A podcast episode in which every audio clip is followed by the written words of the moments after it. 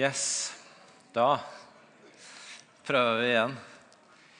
Folkens, tusen, tusen, tusen hjertelig takk. Det Ja. Det er ikke så ofte jeg blir vippa av pinnen, men akkurat nå eh, vet jeg ikke så kjempemange ord å si annet enn at det var setter enormt pris på det. Tusen takk. Det betyr allerede mye å få høre sammen med dere, og det dere gjorde nå, tar jeg. Tusen takk. Eh, og jeg vet det kommer fra resten av familien òg, selv om de ikke vet om det Og Jeg gleder meg til å overraske dem. Vi skal, jeg skal prøve å eh, Plutselig gikk tida, og eh, vi skal ha litt uh, tale, litt undervisning i kveld òg. Og jeg skal prøve å gjøre det hakket kortere enn tenkt, men at vi, at vi får med oss det som var essensen. jeg jobber fortsatt litt for å komme meg i hakket her ennå. Ble litt, litt satt ut. jeg ber en bønn. Sånn gjør vi det. Nei, det hjelper ikke det heller, for dere bare ler jo av meg. Jeg begynner heller å snakke, og så tar vi bønnene etter hvert. Vi begynner en ny serie denne søndagen som skal vare fram til påske. og Den heter 'Fra død til liv'. Og Den skal handle om kjernen i det vi tror på. Eh, vi hadde lyst til å sette rett og slett en måned til å bare gå helt tilbake til det grunnleggende fundamentet i det som samler oss som kristne, og, og stille spørsmålet en gang til hvorfor, hvorfor døde Jesus? Eh, vi vet at eh, det er noe som gjennomsyrer hele Bibelen. Eh, som fortelles om det forutses i Det gamle testamentet, og det reflekteres over og utmyntes etter evangeliene i brevene og de andre bøkene i Det nye testamentet. Hele boka er full av snakk om at Jesus døde for vår skyld. Det er sentrum i troa vår. Og Så hadde vi lyst til i tida fram mot påske å rett og slett sette av tid til å grave ned i det der enda en gang. Hva handler det om? Hvorfor døde han? Hvorfor, hvorfor var det løsninga? Hvorfor var det den veien Gud valgte? Og hva betyr det for oss i dag? Og så ser vi det når vi leser Bibelen, at fortellinga om Jesu døde oppstandelse, og hva det betyr, den ser vi hvordan det er akkurat som du kan se på den gjennom forskjellige linser og, og fra forskjellige perspektiver. Hvordan Paulus i det ene brevet forteller fra én vinkel hva det betyr at Jesus døde for vår skyld. Og Så kommer du til et annet brev og så forteller han om det samme. Han er ikke uenig med seg sjøl, står ikke imot det. Men det er akkurat som han ser på det fra en litt annen vinkel, litt, gjennom en litt annen linse. Og så har vi lyst til i disse fire ukene å prøve å å hente fram noen av de forskjellige perspektivene. Vi er ikke i nærheten av å kunne snakke uttømmende om det på fire uker. Eh, det er En som har skrevet en bok som heter 50 grunner til at Jesus døde. Og, Han sjøl erkjenner at vet du noe, det er mange flere enn 50 grunner. Så dette er, det er så mye å snakke om om Jesu døde oppstandelse. Men vi har lyst til å bruke noen uker på å hente ut noe av det viktigste. Og Måten vi skal gjøre det på, det er rett og slett å følge Jesus til korset. Og Begynne ved starten av påskefortellinga og følge han når han går veien helt til korset. Og så stoppe opp for noen forskjellige perspektiver underveis. Og I dag så skal vi begynne med starten. Vi skal begynne i Matteus 26. Og vi skal rett og slett eh, se på eh, hva som skjer eh, når, Jesus, når, når på en måte det skjer et skifte i fortellinga, og, og, veien mot korset for alvor begynner. I Matteus 26 så har Jesus kommet til Jerusalem sammen med sine disipler for å feire jødenes påske. Og Vi har lest i kapitlene før om hvordan han er i Jerusalem. og Han utfordrer dem, han rensker tempelet for tempelhandlere. Han holder noen ganske utfordrende taler. Og Så kommer vi i kapittel 26 til Eh, da, da, da kommer påska for alvor i gang. Det står at Da Jesus hadde fullført hele denne talen, så sa han til disiplene.: Dere vet at om to dager er det påske, og menneskesønnen blir utlevert for å bli korsfesta. Nå kom overprestene og folkets eldste sammen i palasset til øver, øverstepresten Kaifas, og de ble enige om å gripe Jesus med list og få han drept. Men ikke under høytiden, sa de, for da kan det bli uro i folket. Så Jesus fortsetter å forberede sine på at noe skal skje. Og Samtidig så ser vi hvordan motstanderne til Jesus begynner å legge planer for alvor om at de ønsker å ta han. Og ikke bare ta han til fange, men ta livet av han. Og Så ser vi i vers 14 hvordan det kommer en ny komponent til denne planen. Når det står at da gikk en av de tolv, han som het Judas Iskariot, til overprestene og sa:" Hva vil dere gi meg for å utlevere han til dere? De betalte han 30 sølvpenger. Og fra da av søkte han en anledning til å forråde han. Så en til som hekter seg på i planen for å få tatt livet av Jesus. Og Så skal vi ikke lese alt, men i de neste versene så står det om hvordan disiplene ordner til og finner et sted hvor Jesus og disiplene kan feire påskemåltidet. Og De kommer til det stedet, de setter seg til bords, de snakker sammen, de spiser sammen. Og under dette måltidet så innstifter også Jesus det som for oss er blitt nattverden. Hvor han tar vinkalken og sier 'Dette er mitt blod'. Og han tar brødet og sier 'Dette er mitt legeme'. Gjør dette til minne om meg. Og så skjer det et skifte etter at vi har fått det inn. Fra vers 30 så står det at da de hadde sunget lovsangen, gikk de ut til Oljeberget. Da sier Jesus til dem, i natt kommer dere alle til å falle fra og vende bort fra meg, for det står skrevet, jeg skal slå gjeteren, og sauene skal bli spredt. Men etter at jeg er stått opp, skal jeg gå i forveien for dere til Galilea. Peter tok til orde og sa, om så alle vender seg bort fra deg, så kommer jeg aldri til å gjøre det. Jesus svarte, sannelig jeg sier deg, i natt før hanen galer skal du fornekte meg tre ganger. Men Peter sa, om jeg så må dø med deg, så vil jeg ikke fornekte det. De samme sa også, det samme sa også alle de andre disiplene. Så Jesus går ut fra måltidet, han går ut i natta, og han begynner igjen å forberede disiplene på at dette er det som skal skje. De skal ta livet av meg. Og, og disiplene gjør dette her forsøket på å si vet du noe, om alle andre vender seg mot deg, vi skal alltid stå last og brast. Og for de av oss som har lest historien, så vet vi noe om at det løftet varte ikke så fryktelig lenge. Men der og da så er Peter frampå, som han alltid er. Og disiplene de sier også det samme.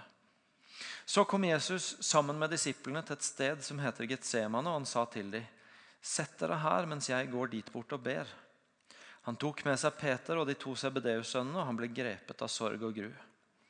Da sa han til dem, Min sjel er tynga til døden av sorg. Bli her og våk med meg. Han gikk fram et lite stykke, kasta seg ned med ansiktet mot jorda og ba. Min far, er det mulig, så la dette begeret gå meg forbi. Men ikke som jeg vil, bare som du vil. Da han kom tilbake til disiplene og fant de sovende, sa han til Peter.: Klarte dere ikke å våke med meg en eneste time? Våk og be om at dere ikke må komme i fristelse. Ånden er villig, men kroppen er svak. Igjen for andre gang gikk han bort og ba. Min far, om ikke dette begeret kan gå forbi meg, og jeg må drikke det, så la viljen din skje. Da han kom tilbake, fant han de igjen sovende, for øynene deres var tunge av søvn. Nå forlot han de og gikk på ny bort og ba den samme bønnen for tredje gang. Så kom han tilbake til disiplene og sa, Dere sover og hviler fremdeles. Nå er stunden kommet da menneskesønnen skal overgis i synderhender. Stå opp, la oss gå. Han som forråder meg, er nær. To ting jeg vil du skal se når vi leser den historien. For det første, der skjer et skifte i den fortellinga vi nå har lest. Jesus kommer inn til Jerusalem, og når han kommer på det som vi kjenner som Palmesøndag, som har stått noen kapitler før, så feires han som en konge. Han rir på et esel, de vifter med palmegreinene. De synger ut utrop som ikke en bare synger i litt sånn begeistring for at en kjendis kommer, men som en synger fordi at en tenker at her kommer det en konge. Og Vi vet at over de tre forrige åra har han bare bygd seg opp et større og større rykte.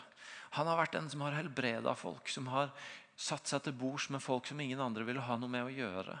Og Han har ganske lenge levd i denne situasjonen at når han prøver å trekke seg litt unna og komme til et nytt sted, så går ryktet foran han igjen og igjen. Og uansett hvor han kommer, så er det bare full scene. Det er full folkemengde som vil ha en bit av han, som vil ha tak i han. Og når han sitter til bords denne kvelden, så sitter han der som en som er på alles lepper. Som en som har blitt feira inn til Jerusalem som en konge. Og som er det helt naturlige og selvsagte midtpunktet rundt det måltidet. Og Der sitter de, og det er lys der inne, og bordet er dekka, og Jesus er midtpunktet. Og, og Han innstifter denne nattverden som får alles øyne enda mer vendt mot han. Og, eh, og det, er, det, er, det er lyst. Det er han som er midtpunktet. Han er i sentrum. Han er kjendisen. Og Så går han ut i natta, og så går han fra lyset til mørket.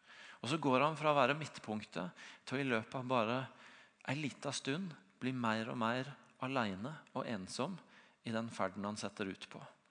Fra å være midtpunktet alle ser på, så ser vi bare hvordan mørket kommer inn, og hvordan han ganske raskt blir veldig aleine. Plutselig er det ikke lenger alles lepper, men et øyeblikk så er det de tolv. Og etter en stund så er det ikke lenger de tolv engang, for de sovner. Og så er det han aleine på kne som kjemper i bønn med sin far for det som ligger foran ham. Det ser et skifte fra å være sentrum, fra å ha mange med seg, fra å være den som alle snakker om, til å være alene på egen hånd i møte med noe som også Jesus sjøl tenker at vet du noe, hvis jeg kan få slippe dette, så la meg slippe det. Det er det han ber. Det er det han ber sin far. Det er ikke bare en sånn from bønn, men det er det han ligger på knær og trygler om. Og, på en måte bare letta hjertet sitt for. Vet du noe, far? Hvis det finnes en annen vei, så la meg slippe. La dette begeret gå forbi meg. Men ikke som jeg vil, som du vil. Jeg skal gjøre det hvis du vil, men det er på ingen måte det enkleste veien å gå. Det andre jeg vil du skal se, er hvor tydelig det blir i denne teksten at det er Jesus som velger det. Jo da, vi leser om at de begynner å legge planer om å ta livet av han.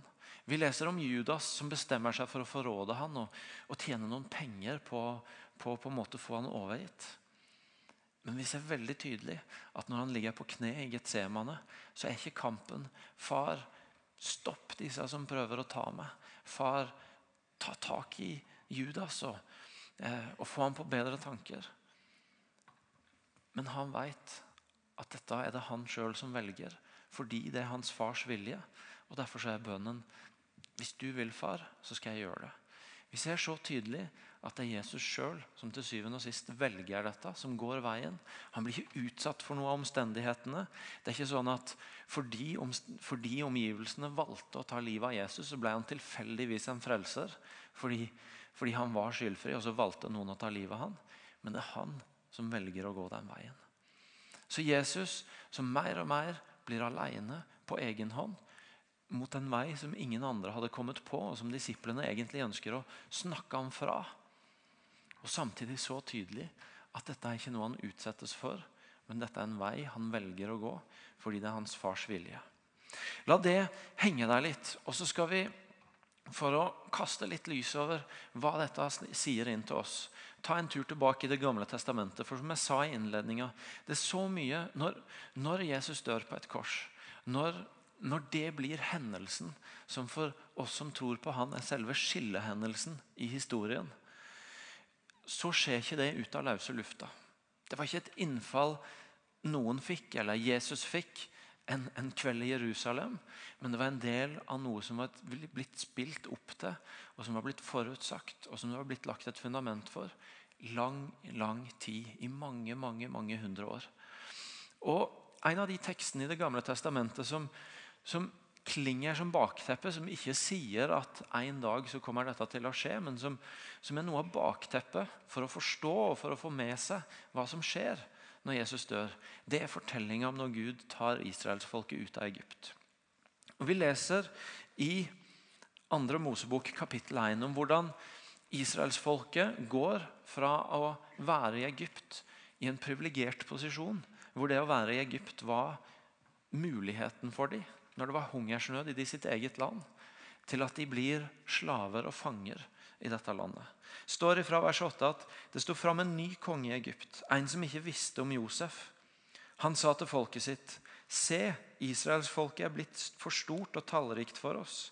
Kom, la oss gå klokt til verks mot dem, så de ikke blir enda flere. For blir det krig, slår de seg kanskje sammen med fiendene våre, kjemper mot oss og drar fra landet. Israelsfolket som plutselig blir slaver og fanger i det landet de befinner seg i. Og Så forteller de neste kapitlene om hvordan de må leve med det, og hvordan de utfordres av det. Og Så står det i slutten av kapittel 2. Lenge etter dette døde kongen i Egypt. Israelittene sukka og klaga over slavearbeidet, og skriket deres steg opp til Gud. Gud hørte hvordan de stønna, og Gud huska sin pakt med Abraham, Isak og Jakob. Gud så til israelittene. Gud kjente de. Det står om hvordan Gud kommer på banen, og hvordan Gud velger å, å ta et initiativ fordi han ser, han hører sjokka til israelsfolket over det de lever under. Og han, han kommer i hu at de er hans folk, og han ønsker å hjelpe dem.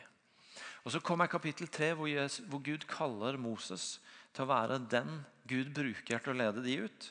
Og hvor, hvor, Gud sier når han kaller Moses at 'jeg har sett mitt folks nød i Egypt'. 'Jeg har hørt skriket av deres under slavedriverne'. 'Jeg kjenner smerten deres'. Og jeg har steget ned for å fri de ut av hendene på egypterne og føre de opp fra dette landet og inn i et godt og vidstrakt land. Og Så fortsetter han å fortelle om det landet. Og I de neste kapitlene så fortelles historien om hvordan Moses steg for steg, med en del utfordringer på veien, men leda av Gud og ved Guds initiativ, tar folket ut av slaveriet og inn i ørkena. Og i et langt perspektiv så får de også etter 40 år gå inn i det landet han har lovt dem.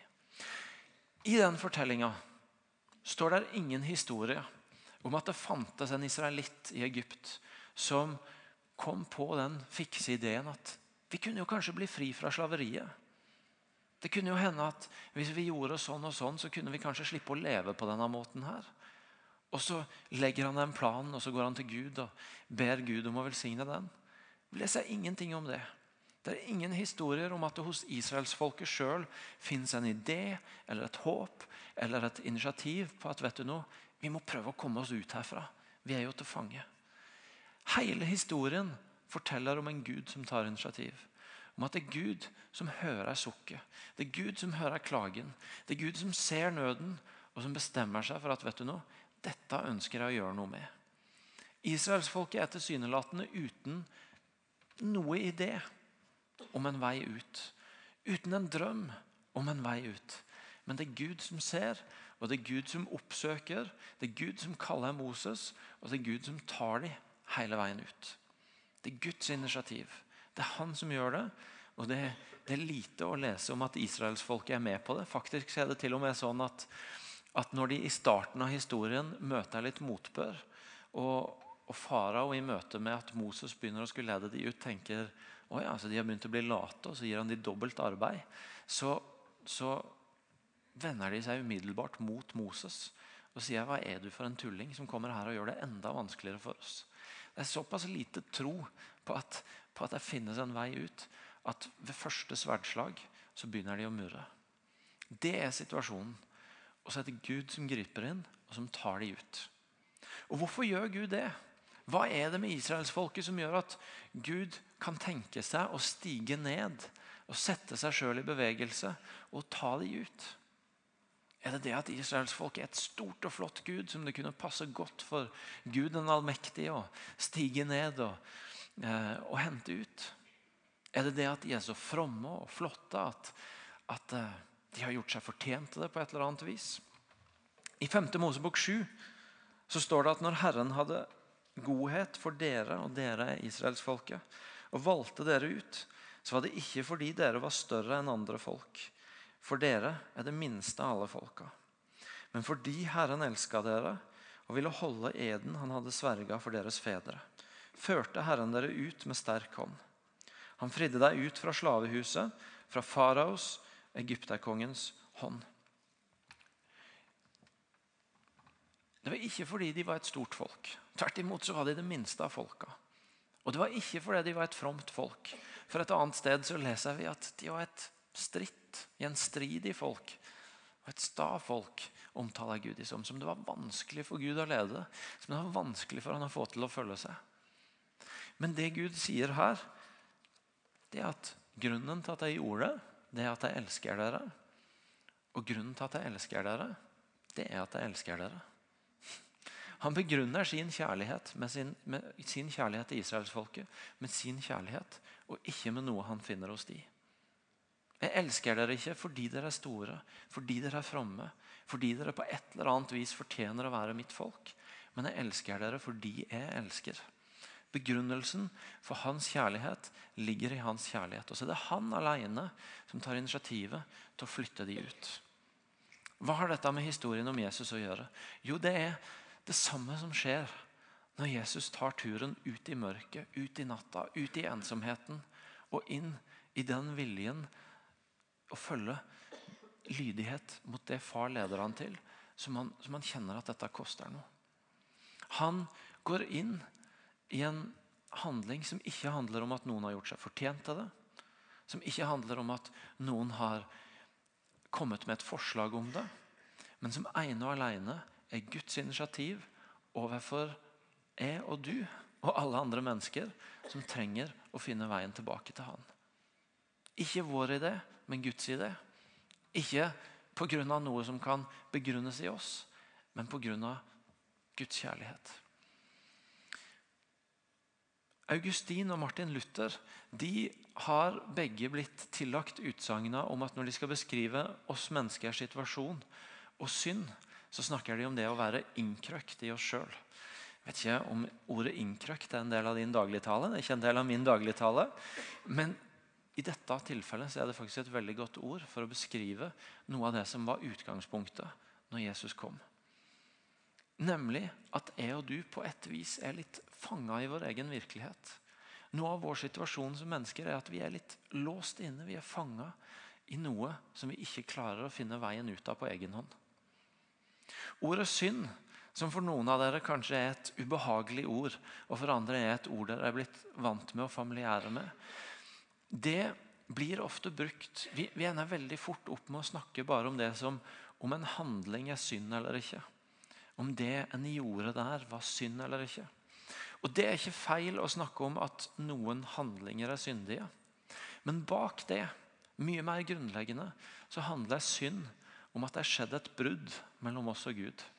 Om at det er skjedd et brudd i den relasjonen som skulle være mellom oss og Gud. Hvor vi mennesker har plassert oss sjøl på en plass som bare Gud kunne ha.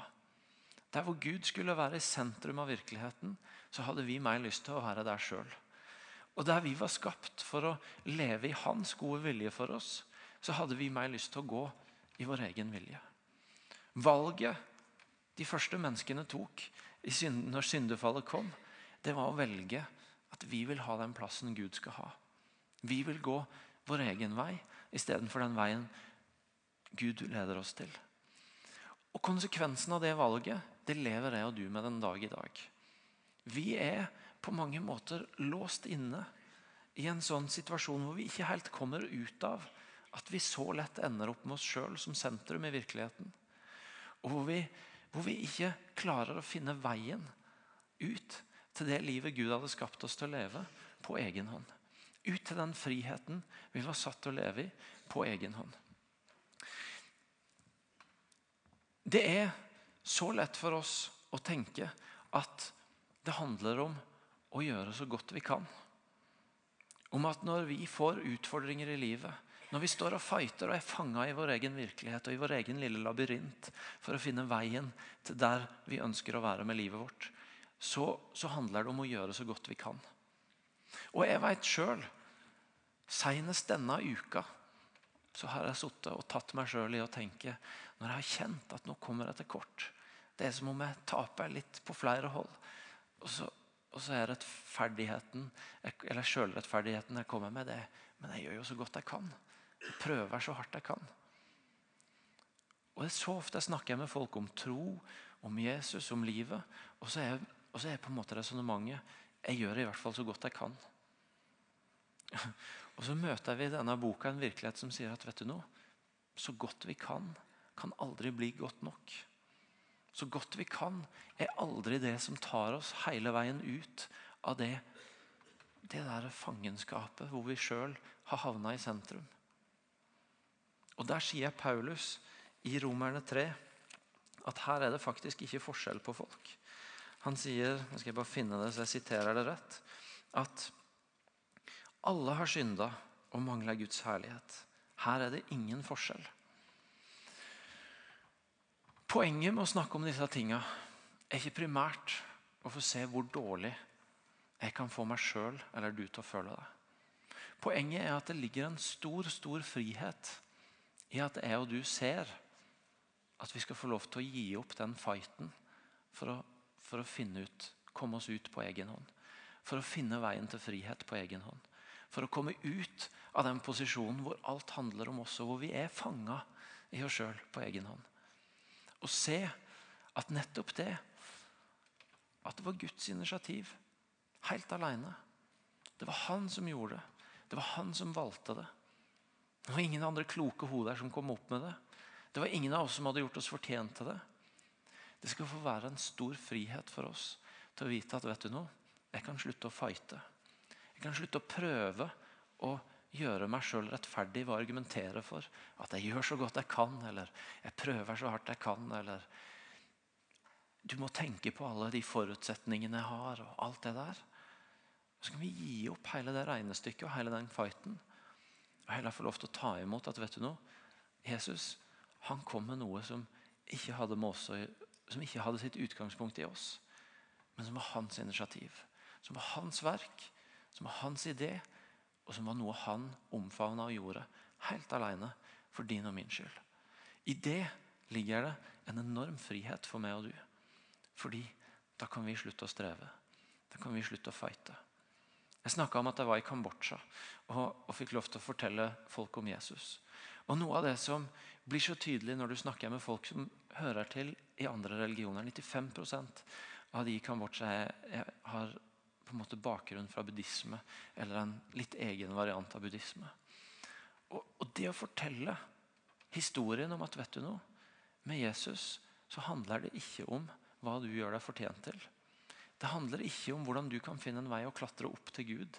Men det handler om at han har steget ned, om at han har kommet du i møte. Om at han ga livet sitt for du.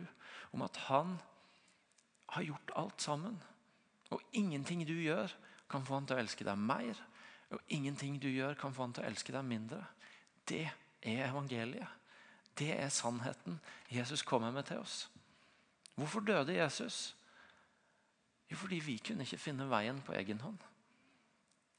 Men så valgte han å omfavne det for din og min skyld. Paulus omtaler dette i Filipperne 2 når han sier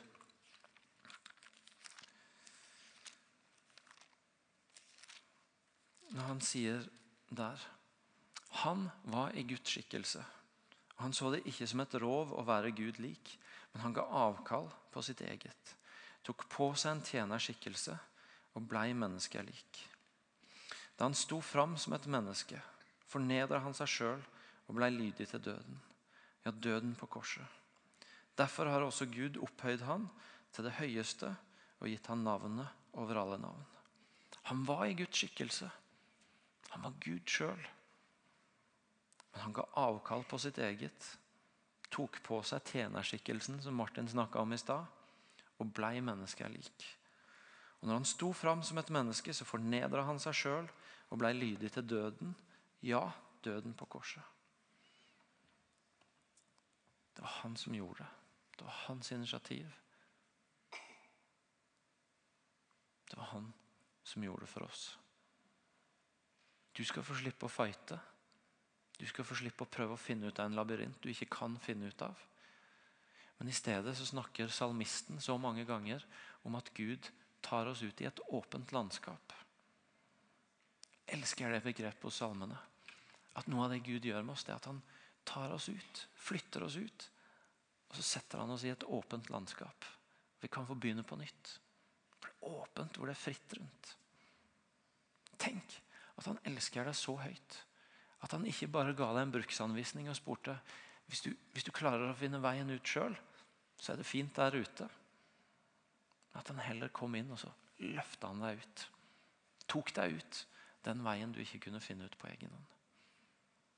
Det er noe av det store underet i at han kom. At han satte oss fri, at han løfta oss ut. At han gjorde det ingen av oss kunne gjøre på egen hånd.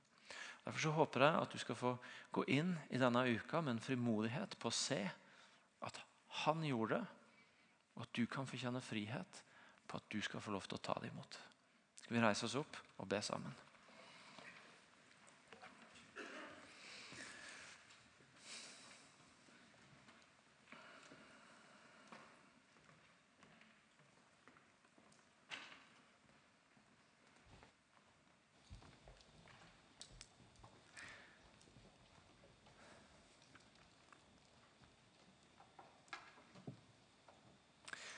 Jesus, vi står her i kveld med en sånn både takknemlighet og ydmykhet når vi lar ordet ditt få åpne seg og vise at, at når det kommer til stykket, så, så var det du som gjorde alt. Når vi enda en gang får bli minnet om at vet du noe, vi har ikke gjort oss fortjent til det. Du ber oss ikke om å streve for det, men vi får lov til å ta det imot. Og Jeg ber deg om at i kveld så skal vi få lov til å omfavne friheten som ligger i det. Vi skal få lov til å ta imot det at fra å ha hørt orda om å være fanga i vår egen virkelighet og innkrøkt i oss sjøl, så, så lyder der en historie om at når du, når du gikk inn i ensomheten, når du omfavna den veien du måtte gå, så løfta du oss ut i et åpent landskap. Du løfta oss ut i friheten. Du løfta oss ut der hvor vi er frie til å leve det livet du har skapt oss til.